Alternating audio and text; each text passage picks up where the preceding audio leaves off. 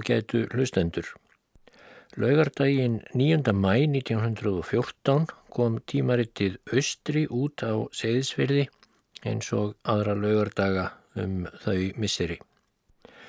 Aðal fréttin á forsýðu var um róstur milli Bandaríkjana og Mexíkó. Ófríðurinn byrjaður, segir þar. Uppreisnar menn taka höndum saman við Huerta og hans flokk gegn Bandaríkjunum og svo er líka sagt á forsíðunni frá þingkostningum í Svíþjóð og heimsókn bresku konungshjónana til Fraklands.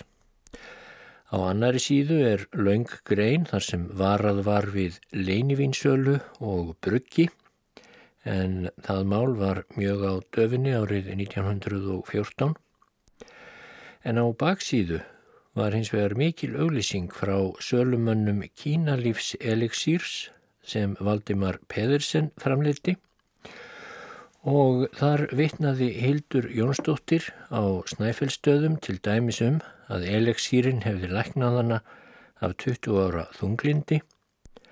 Magnús Jónsson hvaðast vera betri af taugaveiklun eftir að hafa prófað eleksýrin og Kristín Jónsdóttir segir að henni skáni dag frá degi af móðursíki eftir að hafa reynt kínalífs eleksýr Valdimars Pedersens.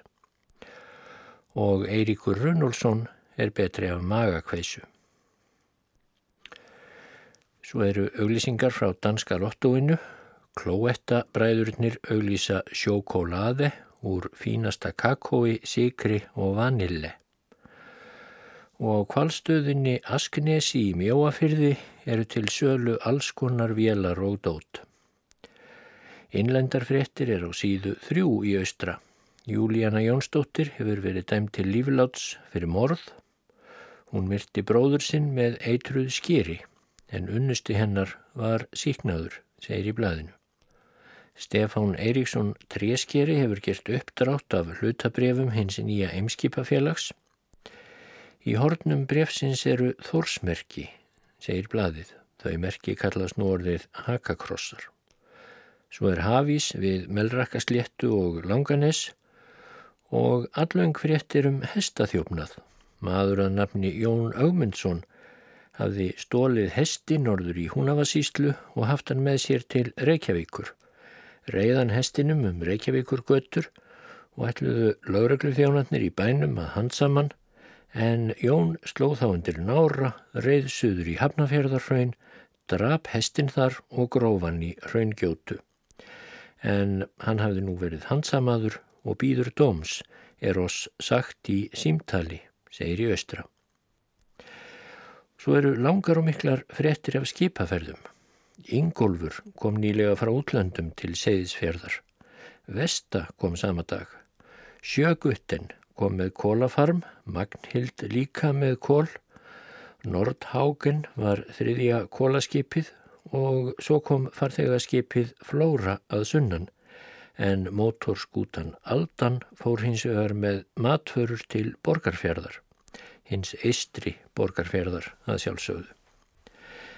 Tilgreint er nokkuð nákvæmlega hverjir komu og fóru með þessum skipum, fyrst og fremst stórmenni alls konar, konsúl Otto Túliníus, Pál Guttormsson bæjargjaldkeri, Sigvatur Bjarnason bankastjóri, Karl Sæmundsson stórkaupmaður, Olsen Trúbóði, Aksel Torstensson og fleiri, þessir komu allir, en frú Kitty Jóhansen fór hins vegar frá Seyðisfyrði til Norregs. En innan um allt stórmennið sem sagt er frá, þá segir líka um komu vestu frá Danmörku Hingað komu með skipinu Guðmundur Beck á samt síni sínum er hann fór að leita lækninga í Kaupmannahöfn og hefnaðist vel. Nú vissu það allir á Seyðisfyrði þar sem Austri kom út og rendar víðar um Austfjörðu að Guðmundur Beck gæt með yngum óti talist til þess stormennis sem venjulega var sagt frá í skipafréttunum. En hvað hafði hann þá verið að vilja til kaupmanahafnar og hvernig hafði hann komist ángað? Venjulegur sjómaður er taldist til fátæklinga. Jú, það vil svo til að í þessu sama eintaki af austra þá byrtist auglýsing frá Guðmundi Beck og hún ljóðar svo. Um leið og ég hilsa og óska öllum skildum og góðgerðarmönnum gleðilegs sumars, þá byrð ég austra að flytja mitt innilegt þakklæti öllum sem með gjöfum stuðluða því að ég kæti ferðast með drengin minn til hafnar til lækninga. Sérstaklega vil ég geta þess að hugmynd og framkvæmd öll er að þakka prestinum Byrni Þorláksinni á dvergasteini sem með sínum alþekta dugnaði hefur útvegað peningana og stjórnað með ráðum ferðinni sem er útlitt fyrir að muni bera árangur. Og hvern félögunum á seyðisfyrði sem hafa gefið 50 krónur hvort. Þessum og öðrum sem hjálpað hafa þakka ég af heilum hug í nafni mínu, konu minnar og barna. Seyðisfyrði 8. mæ 1914, Guðmundur Beck. Svo vil til að næri hálfri öll síðar þá sagði Guðmundur Beck, hann var Einarsson reyndar, hann sagði söguna um þessa ferð til Kaupmannhafnar sem hann fór með síni sínum í grein sem hann byrti í lesbók Morgonbladsins árið 1959. Þá var Guðmundur orðin há aldraður. Guðmundur fættist á 1880 á Seyðisfyrði og var lengst af búsettur þar. Hann lendi ungur í miklum raunum, aðeins fimm ára gamal var hann á samt fjölskyldu sinni í húsi á Seyðisfyrði sem varð fyrir gríðarlegu snjóflóði sem fjall á bæin árið 1880 og 5. En það er önnur saga sem ég les kannski síðar því Guðmundur skrifaði líka um þá reynslu sína en í þessum þætti ætla ég að uh, grýpa niður í greinina um förhans til Kaupanahafnar farið með sjúkling til Kaupanahafnar eins og greinin í lesbók Morgonbladsins heitir. Vorið 1905 skrifar Guðmundur Beck Þá veiktist einar sonur minn, þá misseri skamall og veikinn fór svo meðan að hann varð máttlaus hægra megin frá auksl og niður í fót og fyrir neðan hnýja á vinstrafæti. En vinstri höndina gat hann borið fyrir sig sagði Guðmundur Björnsson landlæknir svo síðar að þetta væri eitt af fyrstu lömunarveikis tilfellunum hér á landi. Leiði nú og beigð og batnaði drengnum ekki og var ekki talin nein vonum að hann myndi geta fengið bata hér á landi.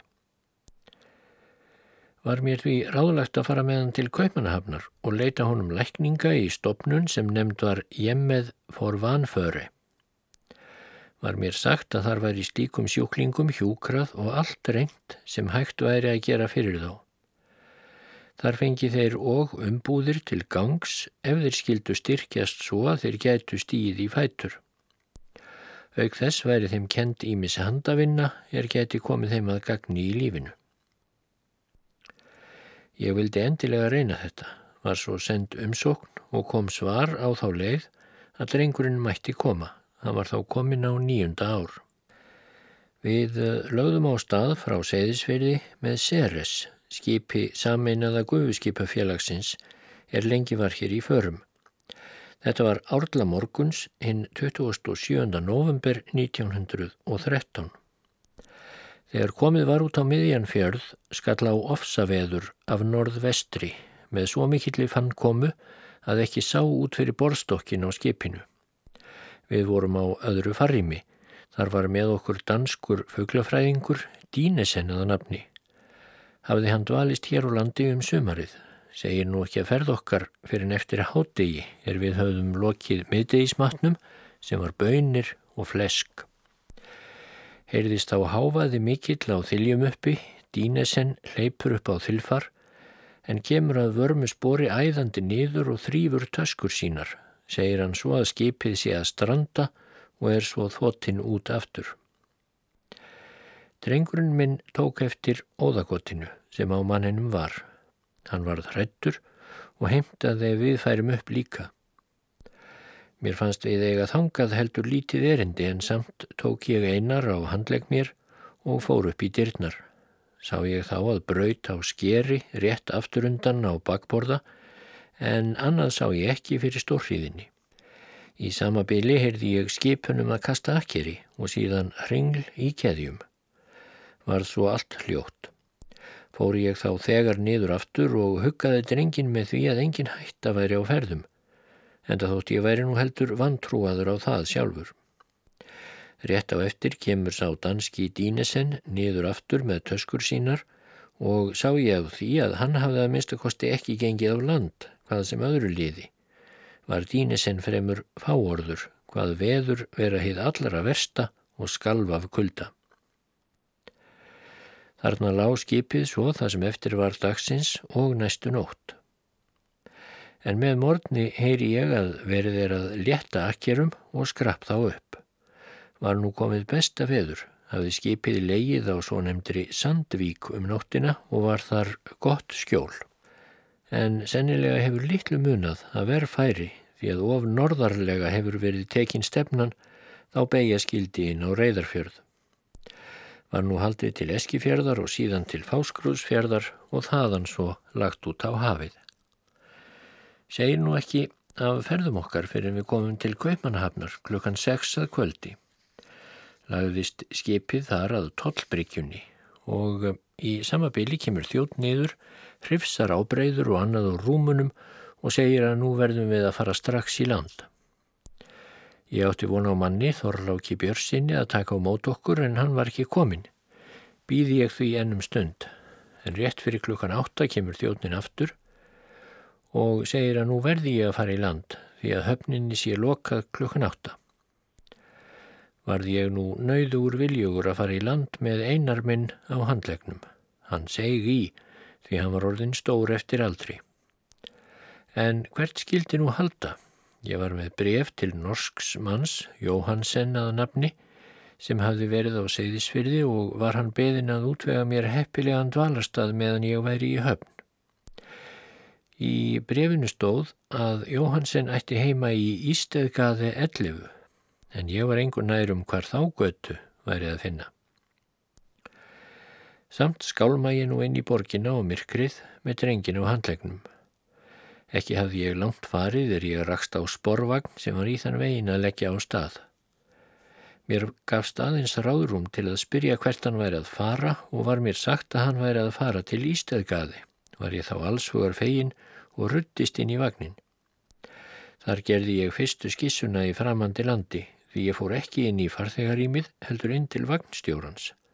Þar var kvennmaður nokkur hjá honum og varð ókvæða við og ef hún hefði getað stjakað mér út með augunum einu saman þá hefði ég röklast öfugur út úr vagninum.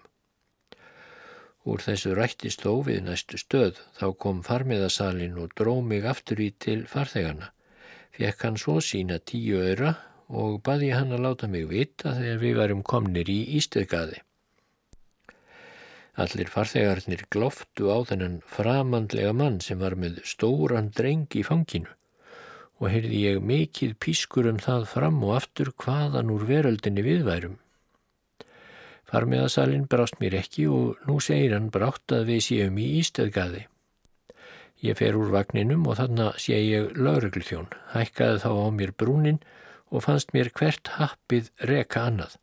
Ég gekk raklitt til hans og spurðan hvort hann geti gert svo vel að vísa mér á ístækaði ellefu. Næsta hús, segir hann og gengur með mér, en þar er þá harður lokað. Áttu heima hér, spyr hann, en ég neyta því og segist þurfa að hitta húsræðunda, Jóhansen. Hér skjöplast þér, því hér á engin heima, segir hann. Ég dreg þá upp brefið og sín honum, en hann hristir höfuðið og vilist ekki trúa mér. Kemst ég tilbaka aftur, spyr ég. Rétt bráðum, segir hann, og í sama byli kemur sporvagn. Að ráðum lauruglþjónsins fer ég upp í vagnin og nú er haldið aftur á leið til tollbúðarinnar. Hegst ég nú fara um borði í Ceres og vera þar um nóttina, hvað sem hver segir en þá hefur höfninni verið lokað og ég kemst ekki nærri skipinu. Jæja, ég er þá stattur þarna í myrkri í Stórborg með drengin minn í fanginu, ílla máli farin og öllum og öllu ókunnur. Þykist ég nú vita að ekki sé um annað að gera en tepla og tæpasta vaðið og reyna að komast til ég með fór vanföri þar sem einar á að vera.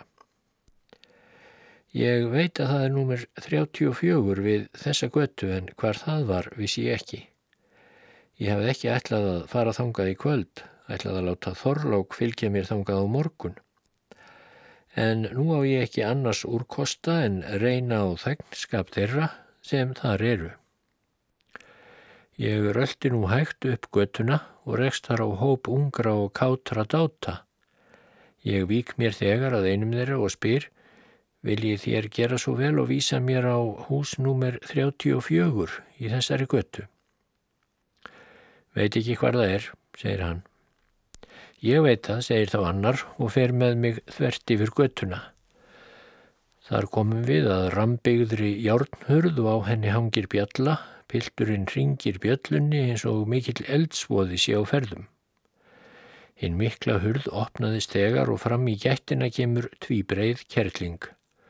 Hún gerði sér hægt um hönd og kifti mér inn fyrir alveg orðalöst. Síðan stjakar hún mér inn í einhvern kassa sem reyndist vera lifta og kassin svífur á stað með okkur. Fljótt nefnur hann þó staðar og mér er ítt út með drengin. Erum við þá stattir í uppljómuðum sál og eru þar fimm engin líkar verur í kvítum kirklum og með kvítan faldum enni. Og eins og vant er þá ber einn þar af öllum, en það eitt þykir mér aðinni að hún er með gleraugu. Hún reðst þegar á mig og reif einar af mér. Og síðan þyrptust þær allar um hann og hrópuðu í einum kór, loksins er hann komin elsku íslenski drengurinn, ókvaðan er fallegur og stór og hvítur. Sá ég nú að fólki þarna hafi búist við okkur og varð ég því fegin en einari leist ekki jefn vel á blómarósina og henni á hann. Brausta nú um sem hann hafði orku til, notaði óspart vinstri höndina og æfti af óta og skelvingu.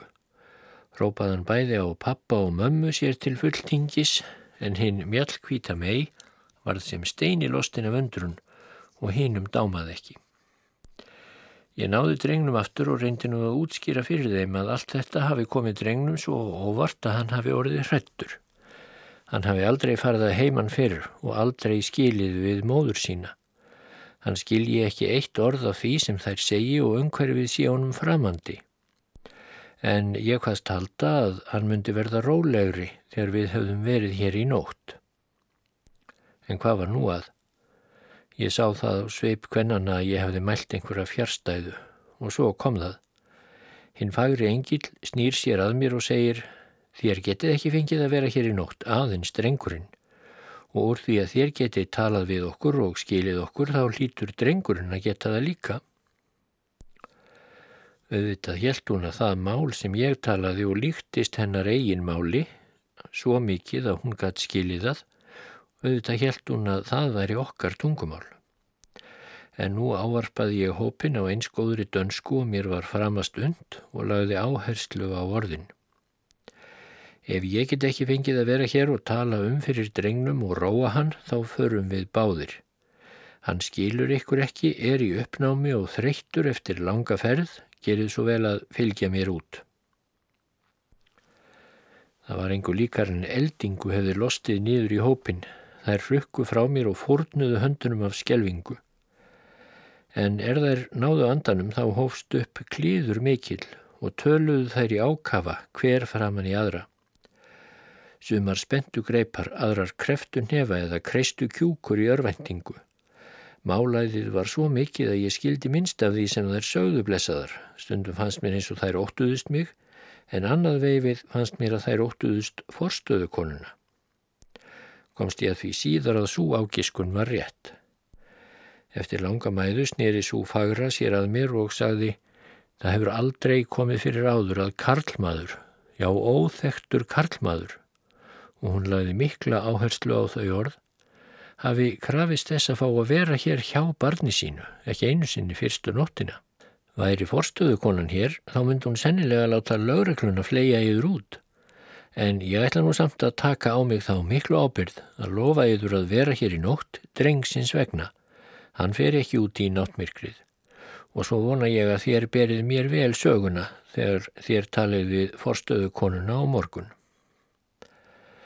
Ég skal tala við forstöðu konuna ef hún óskar þess, segi ég, og þá mun ég segja henni að þér hafið ekki bóðið mér að vera, heldur hafi ég krafist þess að fá að vera hjá drengnum. Býst ég við að þessar vinkonur yðar geti staðfest það. Að svo mæltu var okkur vísaðinn í stóran sal og voru þar mörg rúm. Þar lágu ellif unglingar og einn maður miðaldra. Nokkur rúm voru þarna auð og fórum við hvori sitt rúm, kvildinni fegnir, engum drengurinn og sopnaði hann þegar vært. Ég blundaði eitthvað en vaknaði við það að tvær konur lúta yfir einar og tala eitthvað saman. Var önnur þeirra svartklætt og álíktaði ég þegar að það myndi vera forstöðukonun. Ég heyrði að þær er að rósa einari fyrir það hvað hann sé stór og fallegur drengur og vorkin honum að hann skuli vera svona mikið lamaður. Læti ég nú sem ég sofi fast og hugsa mér að hún skuli þá fleia mér sofandi út ef ságállin væri á henni. Síðan ganga þær að mínu rúmi, sínað korri hlið og lúta yfir mig en ég lest sofa sem fastast.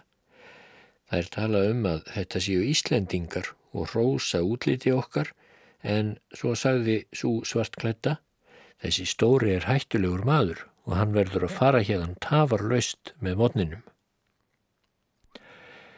Ég fór að klæða mig klukkan sexum morgunin, vaknaði einar þá og var hinn rólegasti, en það hafðan fengið góða kvíld. Ég sagði honum að nú ætlaði ég að leita að Þorláki og svo kæmum við báðir, setna um daginn. Síðan fór ég rakleitt niður að Ceres og var Þorlákur þar komin. Útvegaði hann mér síðan máltíð en klukkan fjögur fórum við til hælisins. Þá var svo komið að þrýr læknar höfðu skoðað einar og ákveðið uppskurð. Forstöðu konan var þarna líka. Hún vek sér að mér og saði að ég mætti ekki heimsækja einar fyrir en ég fengi bóðum að ég mætti koma. Drengurinn þyrti að hafa ró og næði og svo bætt hún við það er best að þér farið heim til Íslands. Við munum sjá um drengin. Þetta er heimskulegt, hugsaði ég með mér. Það er ég sem á að vera hjá drengnum fyrstu sólarsingana vegna þess að enginn skilur hann og hann skilur engan en nú var ekki tími til að þrátta, stúlka bar einar á brott og við Þorlákur urðum einir eftir, svo fórum við líka. Þorlákur útvegaði mér nú gistingu næstu nótt á Hotel Öresún. Það er svo kaldasta nótt sem ég hef lifað í rúmi innan hús. Einn slæma aðbúð var vist því að kenna að ég hafi skrifað verkamaður aftan við nafnið mitt í gestabókina en ekki vantaði að þjónustufólkið vildi vera stíma mjúkt við mig en allir gáttu þessi apframt að þeir fengi ekki annað kaup en það sem ferðamenn létu af hendi rakna fyrir greiða. Um kvöldið þegar ég var að borða kom einu meiri hátar kettling og hlammaði sér niður hínum hegi við borðið og ég sá ekki betur en hún slikti útum en ég var ekki í því skapi að hugsa um hvern fólk þá. Þegar í stund varði ég fegnastur er ég komst burt úr þessu húsi. Fór ég þá að leitað Jóhansen og hitti hann. Tók hann mér heið besta og útvegaði mér hinn ágætasta dvalarstað í De Gamles hjem. Þannig voru leið herbergi og seldur matur, þeim er þess óskuðu. En svo kom þángað margt gamalt fólk til þess að snæða miðdeisverð sem það fekk fyrir hálfyrði en ríkið borgaði hinn helmingin. Af þessu dró stofnuninn nafn sitt. Þarna var ég svo allan tíman í Kaupanahöfn og greitti 60 krónur á mánuði fyrir fæði og húsnæði. Ég fekk fljótt hugskeiti um að einari mínum liði ídla þar sem hann var komin og tvívegis þóttist ég heyran kalla á mig. Mér var því ekki rótt. Á öðrum degi fór ég til forstjóra heimilisins sem Pedersen hétt og spyr hann hvort ekki muni vera sérstakur heimsóknartími á klínikinni þar sem einar er. Hann horfið þegjandi á mig um stund en spurði svo, var þér bannað að koma þangað? Já, saði ég. Mig var farið að gruna þetta, saði hann, úr því þú fórst ekki að vitja um drengin. En sannleikurinn er sá að forstöðukonan er skass og hún bannar öllum ættingum að heimsækja sjúklingarna. Á ég að koma með þér. Þakka þér kærlega fyrir, saði ég, en helst vildi ég fara einn. En fá ég ekki að hitta drengin, þá er ég þér mjög þakklátur ef þú vilt koma með mér öðru sinni. Nú er einmitt heimsóknartími, segir hann, farðu þegar í stað en láttu mig vita ef þú færð ekki að sjá drengin. Ég let ekki segja mér þetta tvísvar og fór rakleitt til hælisins. Það ringdi ég út í dyrabjöllu, feita kærlingin kemur út og kippir mér inn eins og velling. Og nú var sem ég sæi fyrir mér hvert ég ætti að fara. Ég geng rakleitt inn í einastofuna, þar er fjöldi rúma inni. Ég skálma inn og geng fram hjá nokkurum rúmum en sé ekki einar. Þá heyri ég hvar hann grætur. Var ég nú fljótur að komast að rúmi hans. Var það einar minn þá feignari en fráverði skýrt og sefaðist fljótlega þrátt fyrir miklar þjáningar. Hann hafði verið skorinn á nýju stöðum. Hann getur ekki hreift sig, kvelst af þorsta og getur ekki sofið.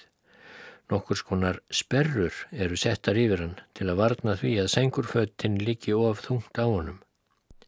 Engin lítur til hans og engin reynir að skilja hvað hann vil. Hann ávist að gráta þanga til hann hættir því af sjálfstáðum. Honum líður ákaflega illa og hann er hrættur aðalega vegna þess að hann skilur ekkert. Þegar ég hef huggaðan kemur frúin askvaðandi. Ég stend upp og hugsa með mér að það sé best að hún byrji. Ekki kastað hún hverju á mig og þarna horðumst við þögul í augu andartak. Þér eruð komin, þrátt fyrir mitt bann, þrjumað hún svo. Ég svaraði henni í sveipuðum tón. Já, og það er gott að ég kom. Vitið þér það frú að sjúklingurinn yðar hefur vakað og grátið í tvo sólaringa Hann skilur engan og engin skilur hann og hann fær ekki svo mikið sem vasklas til að svala þorsta sínum. Ef til vil má hann ekki drekka vatn en hann má sjálfsagt sofa og hætta að gráta. En eina manninum sem getur verið milliliður, yðar og hans, eina manninum sem getur huggaðan, þar að segja mér, bannið þér að koma hingað. Frúin var hörund stökkað eðlisfari en nú döknað hún mikið við þessa ádreipu Þessu átt hún ekki að venjast. Allir virtust vera hrættir við hana. Hún snýri sér nú að gesslukonu sem þarna var og segir Er það satt sem þessi ósvífni Íslendingur segir? Já, frú, var svarið. Drengurinn hefur ekki lind gráti fyrir en fadur hans kom. Þá skundaði frúin út, en ég settist niður og þóttist þess fullviss að hún myndi brátt koma aftur. Það reyndist rétt. Að vörmuspori kemur hann aftur með stóran botla, fullan af einhverju guttli og rétti hann þegjandi að einari. En hann létt sem hann sæjan ekki, svo ég tók við botlanum. Grunnaði mig að þetta væri svefn meðal og bað hann drekka. Gerðan það og var sopnaður eftir tíu mínútur. Ég rétti frún í botlan og saði þakkiður fyrir. Hún svaraði engu, tók við botlanum og strunsaði út og ég sá hann ekki framar þann daginn. Upp frá þessu fóru einari mínum að batna með eðlilegum hætti. Kom ég til hans daglega næsta hálfan mánuðin og var aldrei neitt amast við mér. Við einar töluðum saman um alla heima og geima og vorum ekki í neinu sálarlegur nýpri. Stundum sá ég frúna en hún yrti aldrei á mig. Þó sá ég út undan mér að hún gaf mér nánar gætur og virtist mér að hann langaði gætnan að vita hvað við einar vorum að tala. Svo var það nokkuð löngu setna að einu vesalingsmóðir stóð grátandi yfir nýkomnu barni sínu sem lág í næsta rúmi við einar. Þá kemur forstöðukonan skálmandi til mín og segir þér eruð sá ósvífnasti fadir sem hingað hefur komið. Ég leitt á hann og brosti, þá mælti hún enn, en mér er sagt að þér sefið og hugreistið drengin í þar og talið vist aldrei um vandræði og veikindi við hann. En vitið þér hvað ég geri við þessa kjökrandi konu? Ég rek hana út. Mér langaði að spyrja hvort hún væri ekki sjálf móður en það átti vist ekki við, svo ég sagði, Ég mun aldrei standa grátandi yfir mínum dreng, hvað sem fyrir kemur. Nú er komið fram í februar og einar er komin á fætur. Já, hann er komin á fætur. Hann sem aldrei hefur stíð í fætur fyrr á æfisinni. Hann hefur fengið staf og hækju á samt skóm og leður umbúðum sem ná upp í mitti. Og nú getur hann gengið nokkurn veginn uppréttur. Hann er farin að geta bjargað sér í málinu við jafnaldra sína en þykir nokkuð frekur eins og fadurinn. Aldrei varði ég þó var við neina áreikstra út af því, enda gæslukonur alltaf hjá þeim. Ég er orðin sem heimagangur á hælinu þegar þarnir komið sögu og lendi þar oft í kaffibóðum því að hvert afmælið rak annað hjá þessum stóra unglingahópi. Einu sinni lendi ég mér að segja í trúlofunarvislu. Í lók februarmánadar var mér tilkynnt að nú mætti einar fara heim með næstu ferð. En er að því kom hafði tekið sig upp sár á lamaðafættinum. Verstist mér frúin mjög auðm yfir því. Kendi hún gæslukonu sinni um en hvaðst ekki geta sleft honum heim að svo komnu. En svo fórum við þó heim að sárið var ógróið og var það mörg ár að gróa. Skömmu áður en við fórum heim, þá bað frúin mig að gefa sér drengin. Fórun um það mörgum og fagrum orðum hvað sér líkaði vel við hann og okkur báða. Hún sagði að drengurinn væri gáfaður að eðlisfari og hann ætti það fyllilega skilið að fá að læra. Hún vissi að mér varum megnað kostaðan til náms því að hún hafði í höndunum vottfest skjál frá sóknarpresti okkar um að við værum fátæklingar. Það skjál hafði þurft að fylgja umsókninni um dvalarvist handa einari. Við feðgarnir vildum þó ekki skilja og veit ég þó að önnur myndi æfi einars hafa orðið hjá henni heldur en hjá fátækum foreldrum upp á Íslandi. Frúin var stór rík og barnlaus og efast ég ekki um að henni hefði farist vel við drengin.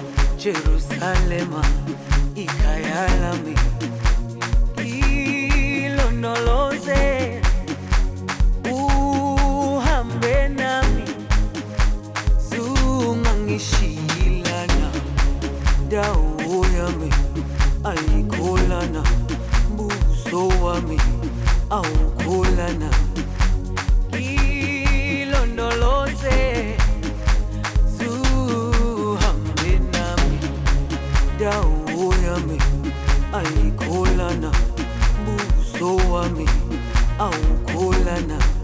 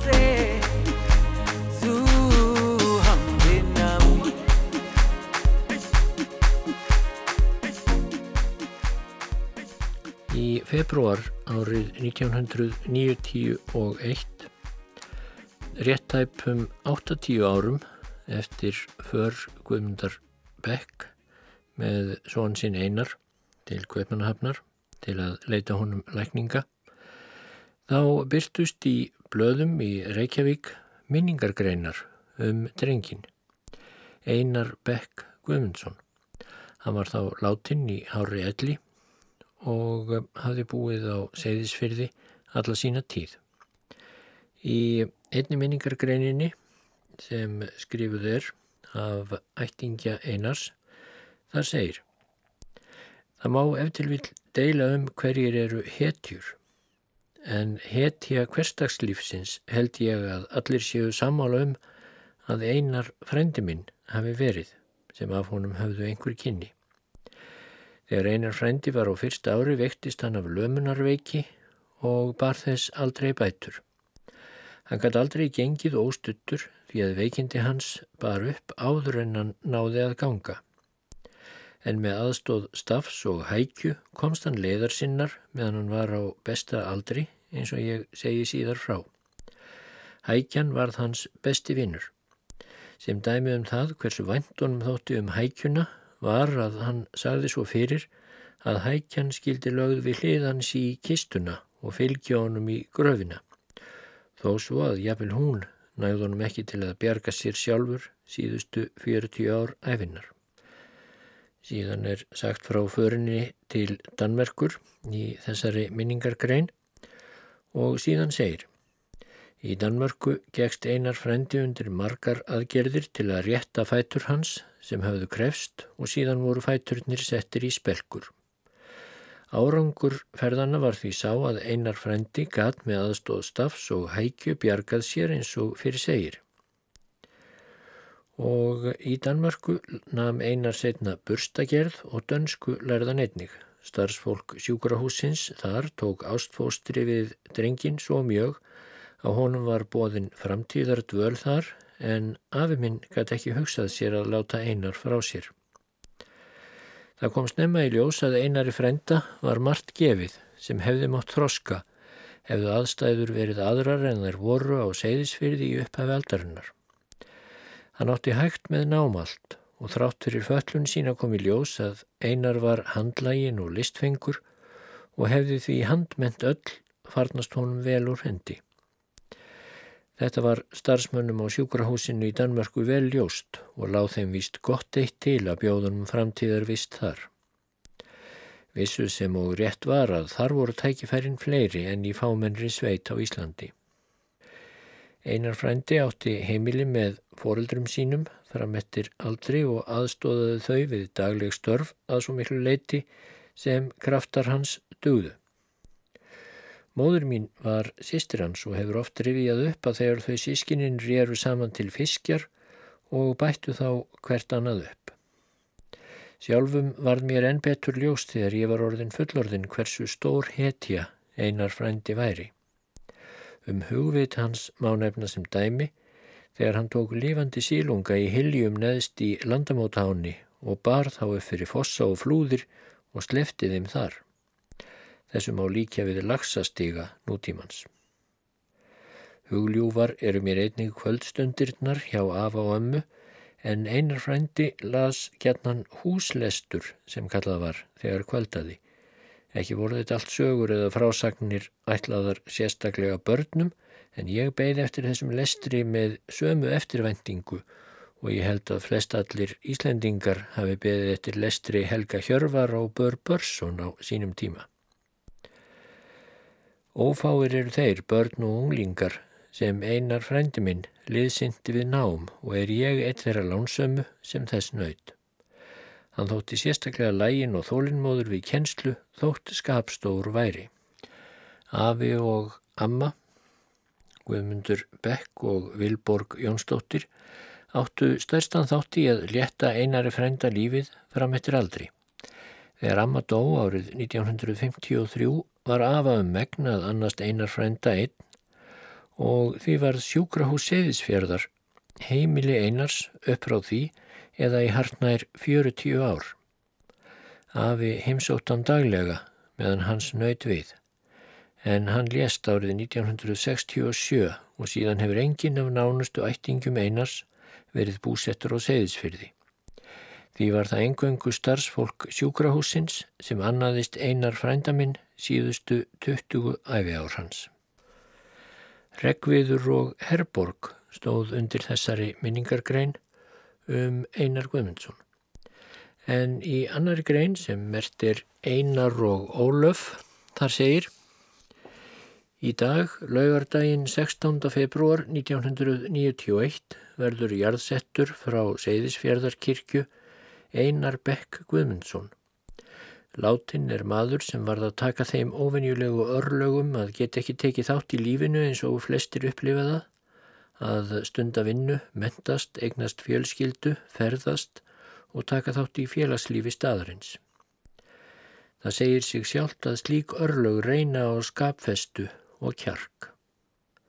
Það þarf góða greind og heilbrigðan huga til þess að geta tekið því með æðruleysi eins og hann gerði að geta ekki gengið fyrir um nýja ára aldur og dvelja loks um 40 ár á sjúkrahúsi. En slík hetjulund var hann um gefin. Einhverju sinni þegar við vorum stött á segðisfyrði í sömarfríi datt okkur í hugað bjóða einari í bíltúr. Okkur fannst hann daldi þver þegar hann afþakkaði að koma með okkur upp á hérað og njóta útíveru í Hallormstaðaskógi. En setna skildist okkur að það var vegna þess að hann vildi ekki íþingi okkur um of eða láta hafa fyrir sér að óþörfu. Hann var sjálfstæður í skoðunum, um menn og málefni og fyldist mjög vel með öllu aðtamnalífi á staðnum. Hann ólst upp á Guldsteinseyri við Seyðisfjörð hjá ástríkum foreldrum sem gerðu allt til að honum mætti líða sem best. En hann var hinn þriðji af fjórum sískinum sem komist upp. Fóreldrar hans voru sæmdarhjónin Guðmundur Bekk Einarsson og kona hans Vilborg Sigriður Jónsdóttir og þau tóku þá ákvarðun þegar Einar var nýju ára að þeir feðgar færu saman til Kaupmannahafnar ef það mætti verða Einari til hjálpar. Eftir nokkura mánuða veru og margar aðgerðir komst einar loks á fætur og saman upplifðu þeir þá dýrðar stund að einar gatt gengið með aðstóð hækju og stafs. Það má geta nærri hví lík hamingja þetta var fyrir drengin að geta nú loksins gengið uppréttur. Hann læriði nú dönskuna og talaði við jafnaldra sína og var ekki í neinu sálarlegu nýpri eins og fadur hans orðaði það. Saman fóru þeir aftur í þetta sinn en þegar einar var áttján ára fór hann inn til Kaupanahafnar til að læra burstagerð, trúlega einna fyrstu Íslendingunum sem það lærðu. Talið var að einar geti haft að því einhverjar tekjur þegar heimkæmi, en því miður reyndist burstagerð aldrei neyn fjáröflunar leið fyrir hann. En einar var félagslindur og tók þátt í lífinu þann út á Gullsteinseyri að svo miklu leiti sem mögulegt var fyrir svo fallaðan mann. Hann hafði góða söngrött og var í kór. Um tíma kendi hann börnum lestur. Hann heimsótti oft nákrannana og var allstaður auðfúsu gestur, vinsæll og vel liðin. Fyldist vel með atvinnuháttum til sjós og lands. Við fráfall móður hans breyttust hægir þeirra feðka. Þá flutti einar á sjúkrahús Seyðisfjörðar og dvaldi þar til dauðadags. Ekki var það honum sársauka laust að flytjað heimann frá föður sínum en það var ekki umflúið. Eins og áður sagt urðu það næri 40 ár sem einar bjó upp á lofti á sjúkrahúsinu og seðisfyrði og fór aðeins út á svalirnar en helst aldrei niður stigana. Hann vildi ekki láta aðra hafa fyrir því að bera sig niður. Öllum lagði einar gott til mála og hann nöyði virðingar og vinsælda meðal fólksins á sjúkrahúsinu. Hann hafði gaman af að tefla skák og föndræmislegt. Það var ótrúlegt hvað hann gætt gert fallega muni með að við föllun hans. Má nú sjá margar skútur listilega velgerðar af honum sem príða herbergi hans. Hann nöyð þess að rækta blóm og vildi helst hafa sem mest af blómstrandi blómum í kringum sig. Þá kom sér vel fyrir hann að eiga góða vinkonu Sigrúnu Þorsteinsdóttur. Hún hjálpaði honum við blómaræktina og var alltaf bóðin og búin til að fara fyrir hann erinda um bæin ef hann þurfti einhvers með og leitt inn til hans á hverjum degi. Það var ómetanlegt fyrir hann, sagðan okkur. Þauks ég henni og öllu því starfsfólki sjúkrahúsins á Seyðisfyrði sem réttu einari hjálparhönd og önnuðist hann í erfiðum veikindum síðustu tvö árin.